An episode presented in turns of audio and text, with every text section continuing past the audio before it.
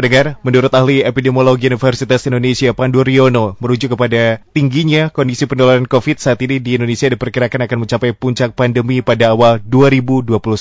Indikasinya, hingga enam bulan pandemi berlangsung ini belum ada tanda-tanda kasus COVID mengalami penurunan dan bahkan akhir ini, ini penambahan kasus justru melonjak dalam jumlah tertinggi dibandingkan bulan-bulan sebelumnya. Ini respon pemerintah terhadap penanganan pandemi pun harus diubah begitu ya. Selain fokus kepada pemulihan ekonomi, pemerintah juga disarankan memberi prioritas terhadap penanganan pandemi secara mendasar. Cara menyikapi di masa pandemi ini seperti apa akan kami bahas bersama narasumber kami dan untuk Anda yang ingin bergabung silakan kirim pertanyaan Anda melalui WhatsApp di 0811 dan sudah terhubung bersama APT Nina Kurnia SSI selaku apoteker dan pengelola apotek Bima Farma Muhammad dan AOC Kabupaten Bandung. Halo Ibu Nina.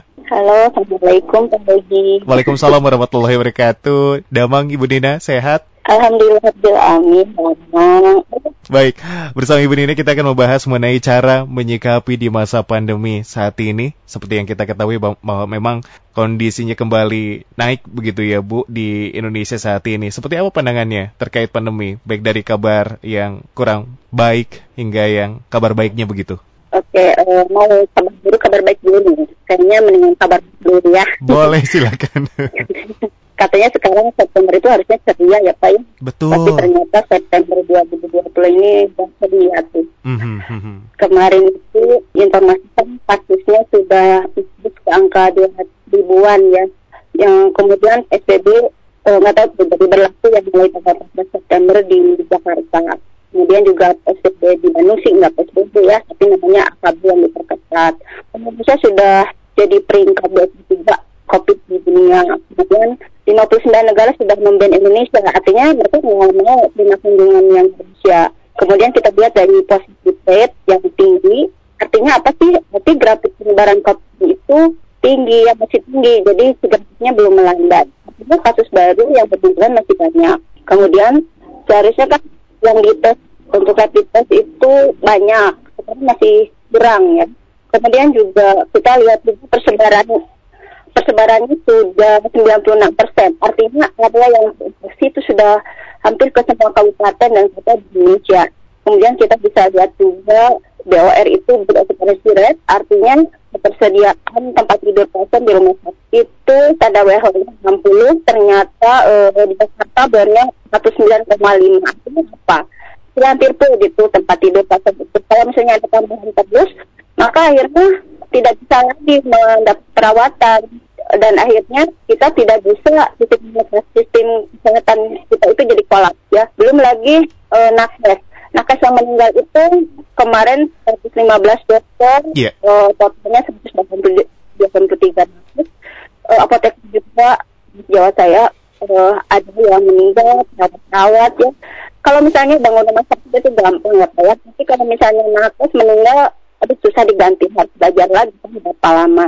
Uh, nah ini mungkin kabar-kabar buruk dari pandemi ini ya sedikit, nggak usah banyak-banyak ya. uh, enak cerita buruk itu. Betul betul. Baik, terima kasih Ibu Nina ini telah menanggapi pandangannya begitu menyampaikan pesan kepada pendengar ya bahwa kondisi saat ini yaitu tadi kabar baik dan kabar buruk ini juga selalu uh, bersamaan. Lalu tentunya nah seperti apa yang nanti akan kita sampaikan, cara menyikapi di masa pandemi ini. Apa yang harus sebaiknya kita sikapi dalam menyikapi pandemi ini, Ibu Nina? Oke, saya tadi ceritanya kabar buruknya apa ya? Saya belum cerita kabar baiknya ini supaya lebih semangat ya kalau kita terima kabar baik itu. Boleh, boleh silakan.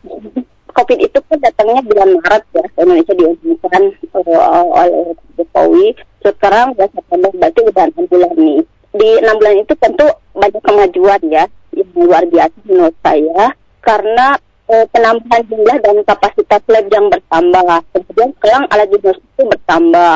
Kemudian eh, sistem rujukan pasien juga lebih baik, jadi nggak bingung lagi gimana. Kemudian perkembangan penelitian ya ilmu, ilmu tentang eh, penyakit ini itu berkembang dengan baik. Kemudian juga perkembangan ada misalnya di teknologi ada robot-robot ya mengurangi resiko kontak dengan COVID. Kemudian bagaimana perkembangan obat-obat dari sisi farmasi, perkembangan obat-obatan untuk menangani COVID ini juga yang terakhir perkembangan vaksin ya. Saya bangga sekali bahwa melalui lembaga EKMA, kemudian Bio Farma dan Farmasi Indonesia meneliti vaksin merah putih. Hmm, ternyata sudah masuk fase satu yang diuji klinis sewa. Mudah-mudahan ya, akhirnya nanti kita punya vaksin COVID sendiri dari Indonesia. Kemudian juga kita juga terlibat langsung dalam pengujian vaksin dunia ya dengan kerjasama Sinovac dari Cina sudah masuk fase uji klinis tiga sampai kita dilibatkan dalam relawan relawan di Bandung sekitar 1.600 relawan untuk fase uji klinis tiga ini untuk menguji keamanan, efikasi dan kualitas dari vaksin. Mudah-mudahan kalau misalnya lulus dari uji-uji itu uh, bisa diproduksi ya dan kita bisa ada penemuan baru di di, di, di tahun depan gitu. Mungkin kalau kabar baik buat ibu-ibu uh, pencairan dana BLT apa ya Alhamdulillah tuh yang kebagian tuh ada BLT ketenagakerjaan, BLT UMKM ya, kartu prakerja. Mudah-mudahan uh, itu jadi jadi penyemangat lah. Uh, kita kan pilihannya kalau udah dengar kabar buruk, kabar baik itu pilihannya kita mau panik, mau waspada atau mau masa bodoh ya. Jadi katanya mau terserah atau mau berserah sih. kalau Pak Regi mau mana tuh? yang mana aja boleh. kita harus berserah ya. Kalau terserah itu berarti ya, mau bodoh dong ya. Kalau mau berserah berarti ada ikhtiar yang maksimal, biar dulu baru kemudian bertawakal ya. Mm-hmm, mm-hmm. Gitu. Jadi. Jadi kabar baik dan kabar buruk sudah disampaikan. Tentunya harapannya inginnya kabar baik terus datang begitu ya Bu ya. Iya. Baik, kalaupun kabar buruk ini menjadi uh, kewaspadaan untuk kita begitu ya supaya tidak abai ya tidak terlalu cuek begitu ya di tengah pandemi COVID-19 ini. Nah Bu Dina ini bagaimana sikap kita untuk menyikapi kondisi saat ini di tengah pandemi? Oke tadi kalau sikapnya adalah saya mau saya mau berserah berarti semua harus punya semangat dong untuk menjadi pejuang, menjadi yeah. pahlawan ya mm-hmm. di dalam mhm. pandemi ini. Misalnya kalau para nakes, para dokter, para dokter, para perawat semuanya semangat ya untuk melakukan yang terbaik dalam merawat pasien. Kemudian ilmuwan, apoteker peneliti, misalnya semangat melakukan riset penelitian tentang vaksin tentang obat. Kayak penyiar nih Pak Regi ya. Iya, kenapa Bu? informasi terpercaya tentang COVID gitu. Itu juga kan peran serta uh, yang baik ya. Kemudian uh, Fit Radio selalu memberikan uh, informasi-informasi yang saya percaya bukan hoax mm-hmm. uh, tadi tadi gini uh, itu juga peran serta. Terus gimana nih peran serta ibu-ibu gitu? Supaya saya juga dong nggak uh, mau ya yang disebut terserah aja gitu.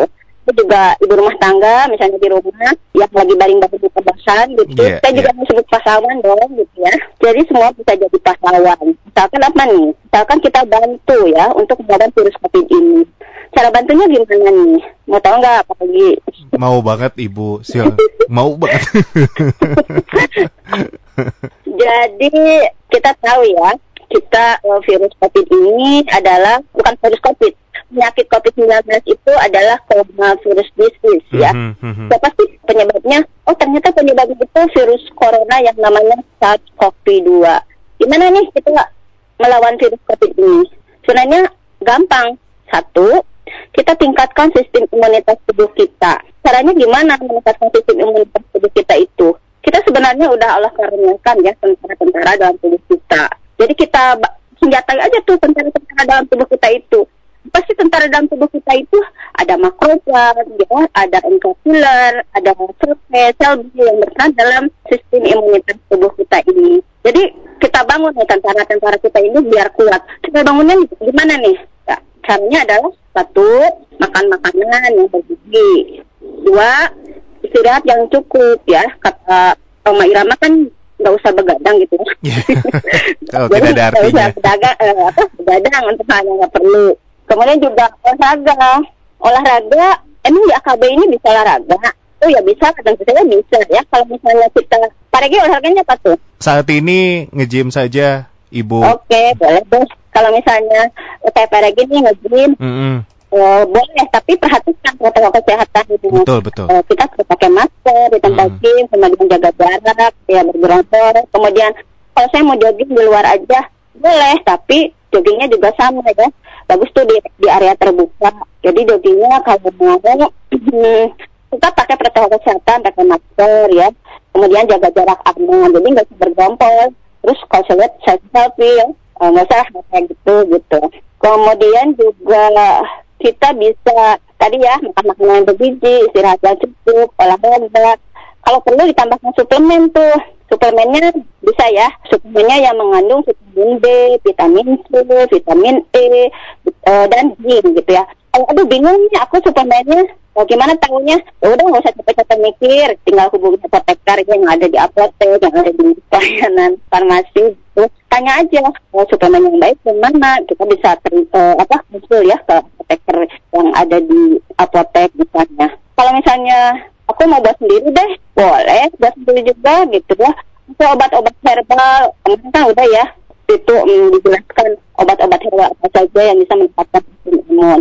Dan yang penting juga nggak usah stres ya gitu kayaknya kalau dengerin radio bisa tuh mengurangi stres ya mengurangi stres kemudian juga hal yang kedua itu kita bisa lakukan protokol 3M. Jadi kita harus hindari kurangi paparan virusnya gitu. Jadi kalau ketemu virus, dikurangi dong, jangan banyak-banyak gitu nyerangnya gitu.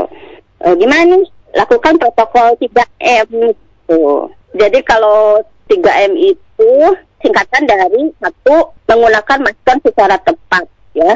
Jadi kalau ada penelitian nih ya, kalau misalnya dua orang, dua orang itu yang satu pakai masker, yang satu enggak. Satu kemudian yang dua-duanya pakai masker, kemudian dua-duanya enggak pakai masker. Ternyata penelitian itu e, memperlihatkan bahwa yang menggunakan masker dua-duanya itu penyebaran dari virusnya itu lebih sedikit gitu. Jadi mungkin slogannya adalah maskerku melindungimu, maskermu melindungiku. Jadi semuanya harus pakai masker gitu ya. Jadi nggak bisa deh kita semua udah udah maskeran. Kalau orang lain peduli deh. Nggak bisa gitu karena kalau satu pakai masker satu enggak kan penyebarannya lebih banyak. Jadi lebih baik yang pakai masker itu dua-duanya pakai gitu ya. Kemudian juga kesehatan yang kedua, oh iya maskernya juga harus di ini ya walaupun udah pakai masker, maskernya yang tepat dong gitu ya. Kadang-kadang udah pakai masker tapi pas ada polisi doang pakai maskernya gitu. Terusnya pakai maskernya tetap ditilang polisi dimarahin polisi gitu ya. Jadi jangan kayak gitu. Terus misalnya maskernya ini apa hidungnya masih kelihatan nih maskernya ditaruh di bawah hidung gitu. Padahal harusnya kan masker itu menutup hidung eh, menutup mulut sampai ke dagu. Kemudian juga ada yang maskernya itu nggak diganti. Dari sana sampai satu maskernya itu, itu juga gitu. Padahal harusnya kan maskernya diganti per empat jam gitu. Kemudian juga yang kedua itu adalah cuci tangan ya. Mm-hmm. Mencuci tangan sesering mungkin. Jadi kalau misalnya kita nih udah terima uang, ya udah kalau udah terima uang bukan lebih cuci ya, uang bisa dicuci. Kita hanya aja tangannya dicuci gitu. Terus misalnya oh, di pegang pegang pintu itu kan banyak orang yang punya pintu jadi kita cuci tangan. Apalagi kita kalau mau makan itu harus cuci tangan dong ya. Cuci tangan pakai sabun. Kemudian kalau kita mau apa ya kadang gatal nih di wajah gitu. Mau menyekel wajah itu harus cuci tangan gitu. Apalagi kalau kita ke tempat-tempat umum itu harus karena kan fasilitasnya banyak ya yang dipegang banyak orang berarti kita harus cuci tangan gitu sebelum dan setelahnya kalau kemul itu cuci sebelum ke uh, sekarang fasilitas umum itu sudah dilengkapi ya dengan cuci tangan. Jadi cuci tangan dulu nanti kalau udah mau pulang juga cuci tangan lagi gitu. Terus juga kalau misalnya aku nggak ada nih cuci tangannya eh, nggak uh, ada air udah ke mana-mana tolong dong uh, di bawah bisa selalu hand sanitizer ya tapi memang kalau ada tulisan di tempat cuci tangan atau sanitizer nih, ya kita harus pilih yang cuci tangan dong, karena cuci tangan itu lebih baik ya. Semakin hand sanitizer yang bersering itu akan menyebabkan iritasi ke tangan. Udah berapa nih, Pak Regi? Baru dua ya. Mm -hmm. Lanjut ya. Tadi satu pakai masker, kemudian yeah. yang kedua cuci tangan. Cuci tangan yang ketiga jaga jarak, jaga jarak ya. Jaga jarak. Hmm. Atau social distancing. Jaga jarak itu kita penelitian itu gini, misalnya dua-dua, dua-dua orang itu masker. Ternyata kalau semakin dekat, ternyata paparan dopletnya itu semakin banyak karena di virus itu ada di doplet. Doplet itu adalah liur gitu ya, dan Nanti kalau kita bicara itu kan menyebar juga ikut virus ya. Nah, kalau semakin dekat, maka paparnya akan semakin banyak. Apalagi penelitian sekarang doplet itu ada yang ukurannya besar, kemudian ada juga partikel-partikel kecil yang mengandung virus. dan dia akan melayang-layang di udara atau air begitu ya. Jadi kalau bisa jaga jarak 1,5 meter sekarang penelitiannya ya. Jadi semakin jauh mungkin paparannya sedikit. Tentu saja hal yang terbaik adalah tetap ada di rumah aja ya. Di rumah aja nih. Jadi kalau mau bepergian nggak usah kalau nggak penting nggak usah dulu gitu ya. Misalnya kalau yang pelajar, mahasiswa, nah sekarang eh, pembelajaran juga jarak jauh ya kemudian juga nggak usah kalau harus catcom ya udah pakai fasilitas WA grup gitu atau gitu. Nah kemudian kalau misalnya ibu rumah tangga nih arisan uh, atau ada kangen-kangenan ya udah video call aja deh gitu ya. Kalau misalnya, aduh aku harus ke pasar kan, oke kalau ke pasar jadi ya dong dari rumah, jadi nggak usah muter-muter gitu di supermarket cari barangnya, jadi tinggal tetap-tetap ke supermarketnya seperti itu ya. Jadi e, begitu. Kalau butuh liburan, oke okay, liburannya di rumah aja dulu ya, gitu. Atau kalau harus liburan, ya pilih yang tempat-tempat sepi ya. kalau saya di Lembang banyak tuh tempat-tempat sepi ke hutan gitu. Jadi itu yang paling penting yang sudah disampaikan oleh Ibu Nina ya mengenai 3M itu. Jadi apakah menurut Ibu sendiri bagaimana saat ini? Uh, sudah terbiasa dengan adaptasi kebiasaan baru itu atau masih banyak PR untuk kita semua karena banyak yang abai Bu? Iya, makanya temanya saya pilih itu seperti ini karena di lingkungan saya aja pada masih ada ya yang nggak masker gitu. Jadi alasannya uh, pakai masker, ya nggak usah pakai masker soalnya pada polisi ini gitu. Emang helm ya kayak gitu deh, gitu. Terus ya kayak gitu. Jadi maskernya dipakai kalau berhadapan dengan tugas gitu. Kalau nggak dapat tugas ya nggak usah. Ah jarang dapat aja lah. Cuman saya mau beli beli bakso gitu ke depan, kalau pakai masker Padahal kan uh, tetap aja kita harus curiga sama orang. Jadi walaupun saya kelihatan sehat, saya harus curiga bahwa orang lain di sekitar saya yang sehat juga mungkin menularkan penyakit gitu ya jawab gitu. Atau saya pun mungkin kelihatan sehat tapi saya bisa menularkan kepada orang lain gitu. Jadi tetap harus pakai masker. Oh maskernya dipakai tapi lupa cuci tangan males sih gitu ya. Nah itu juga. Pada eh, nyentuh sering nyentuh nyentuh uangnya sering gitu jadi tetap aja karena penelitian juga banyak yang udah kenapa sih saya udah pakai masker udah begini tetap kena gitu mungkin ya itu ada protokol kesehatan yang terlewat. Baik, tentunya itu ya yang harus diingatkan selalu kepada masyarakat secara luas bagaimana juga penerapan itu harus benar-benar dalam kedisiplinan begitu ya Bu ya. Nah, ini juga informasi yang sering kali disampaikan di media-media bahwa memang tentunya saat ini sudah merambah ke klaster keluarga ya Bu dan hal ini menjadi tentunya mengingatkan kepada kita semua bahwa kondisi saat ini belum membaik bahkan mungkin sebaliknya. Ibu Nina bisa menjelaskan Bu mengenai klaster keluarga ini apa sebetulnya? Klaster keluarga ya jadi sekarang itu namanya udah klaster keluarga, klaster perkantoran, klaster industri, klaster makan, jadi klaster kasusnya gitu ya. Apa sih yang dengan klaster keluarga? Misalnya kasus Bogor tuh ya, ada ayah, ibu, dua anak gitu. Ternyata punya gejala COVID, setelah diperiksa ternyata positif kenapa ya? Aku kan di rumah aja saya pun tapi kenapa sih? Bisa gitu? Bisa kena covid. Ternyata ya setelah ditelusur ayahnya bekerja gitu ya. Ayahnya bekerja pulang ke rumah nah orang rumah yang yang di rumah aja gitu ya. Jadi virus penyebaran yang namanya kluster keluarga itu adalah penyebaran virus corona yang berasal dari anggota keluarga atau yang tinggal serumah. Jadi biasanya penyebarannya berawal dari seseorang yang sudah lebih dahulu tertular, kemudian menularkannya ke anggota keluarga di rumah, gitu ya. Kita kan nggak bisa ya eh, menghindari. Saya nggak bisa nih, uh, masih harus di rumah semuanya, gitu. Jadi kan tetap aja harus ada yang keluar, harus ada yang bekerja, gitu. Jadi gimana nih harus mencegahnya untuk menghindari terjadinya kluster keluarga ini ya, uh, yaitu dengan asesmen yang namanya VDJ gitu. Familiar nggak tuh Pak Regi? Apa itu Bu? Istilah apa itu? Singkatan apa? Kalau VDC itu adalah V-nya dari ventilasi ya, ventilasi. Jadi kalau misalnya di rumah itu ada penelitian di Cina ya restoran Cina tidak berkontak langsung ternyata orangnya kena gitu kenapa aku kan nggak berkontak langsung tapi masih tetap kena terus setelah diteliti sirkulasi ruangan di restoran itu buruk sehingga oh ternyata uh, situasi yang buruk ternyata penyebarannya lebih tinggi COVID ini. Jadi ventilasi itu harus memperhatikan uh, pertukaran udara. Jadi kalau di rumah misalnya ya, uh, dibuka tuh jendela-jendela yang ada di rumah ya, sehingga sirkulasi udaranya bagus. Kemudian kalau misalnya di kantor nih, di kantor kalau misalnya memungkinkan ya akhirnya nggak usah dijalanin deh, kita pakai ventilasi udara yang dari luar gitu ya.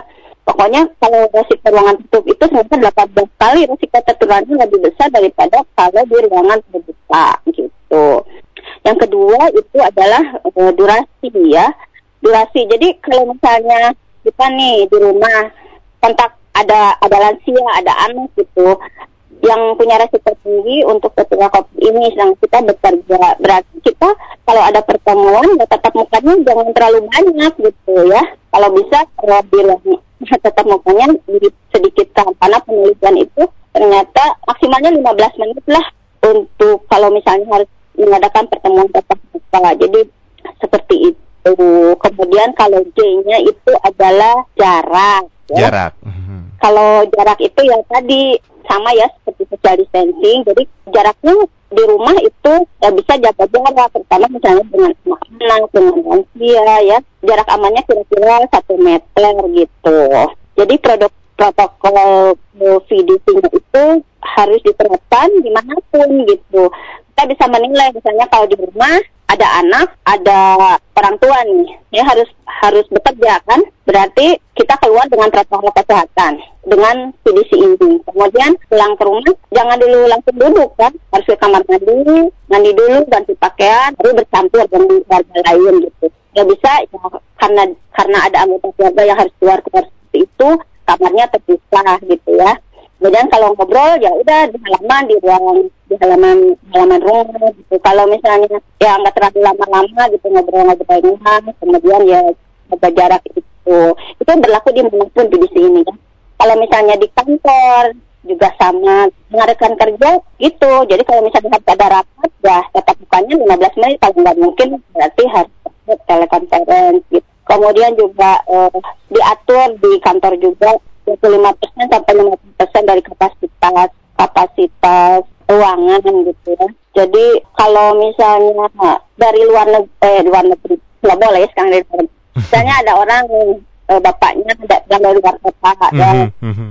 Kalau dia agak-agak nggak percaya ya ini aku takut jadi OTG gitu isolasi yeah, mandiri yeah. dulu mm -hmm. di rumah. Oh. Baik, jadi tentunya uh, tadi apa yang disampaikan oleh Ibu Nina merupakan informasi yang sebetulnya hal yang mendasar begitu ya Bu. Tadi yang 3M, ditambah juga tadi istilah FDJ, ya ventilasi, durasi dan juga jarak ya. Memang ini mau tidak mau saat ini harus menjadi adaptasi kebiasaan baru yang harus sama-sama juga dilaksanakan begitu ya Bu ya dan juga harus diperhatikan.